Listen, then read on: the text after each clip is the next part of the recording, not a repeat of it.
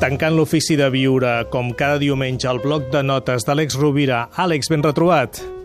Què tal, Gaspar? L'Àlex, de tant en tant, ens fa recomanacions de llibres, de llibres que mai passen de moda, de llibres que, que no caduquen i que han sigut importants per a ell.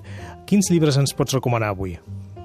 Mira, Gaspar, si et sembla, eh, aquest seria un primer bloc de notes d'autors que sempre són vius i el missatge dels quals mai passa de moda.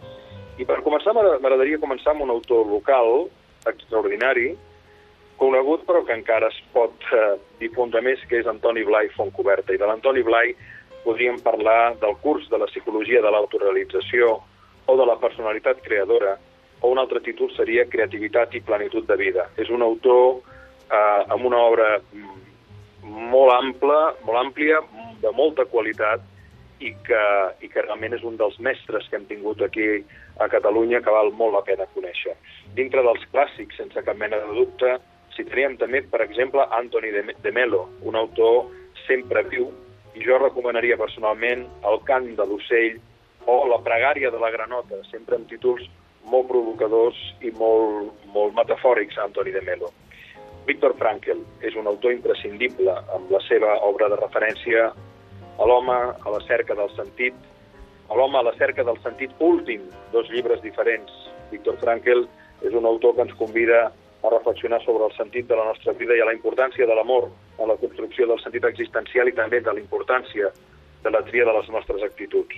Eric Fromm, amb el seu art d'estimar, o fins i tot recomanaria una coautoria d'Eric Fromm amb el mestre Suzuki, amb Daisetsu Teitaro Suzuki, Budisme Zen i Psicoanàlisi, un assaig de gruix potent interessantíssim. I si tinguéssim que acabar la secció amb una altra recomanació per anar-nos no en el territori de l'assaig, sinó de la novel·la, recomanaria Hermann Hesse amb els seus sempre eterns i clàssics Demian, el llop estapari o Siddhartha, entre molts altres. La llista és infinita, però per al bloc de notes d'avui, si et sembla, amb aquests autors i amb aquests llibres ja tenim feina per gaudir per aprendre. Doncs gràcies, Àlex, perquè hi ha oients que ens ho van demanant, no? recomanacions per anar integrant-les a poc a poc. I són llibres que efectivament poden canviar vides. A mi la lectura de Hermann Hesse a la meva adolescència em va, em va ajudar a desenvolupar una mirada diferent o la lectura de Viktor Frankl, sens dubte, em va donar una empremta emocional, espiritual i psicològica que, que mai tindré prou gratitud per agrair a l'autor la seva obra i el seu testimoni.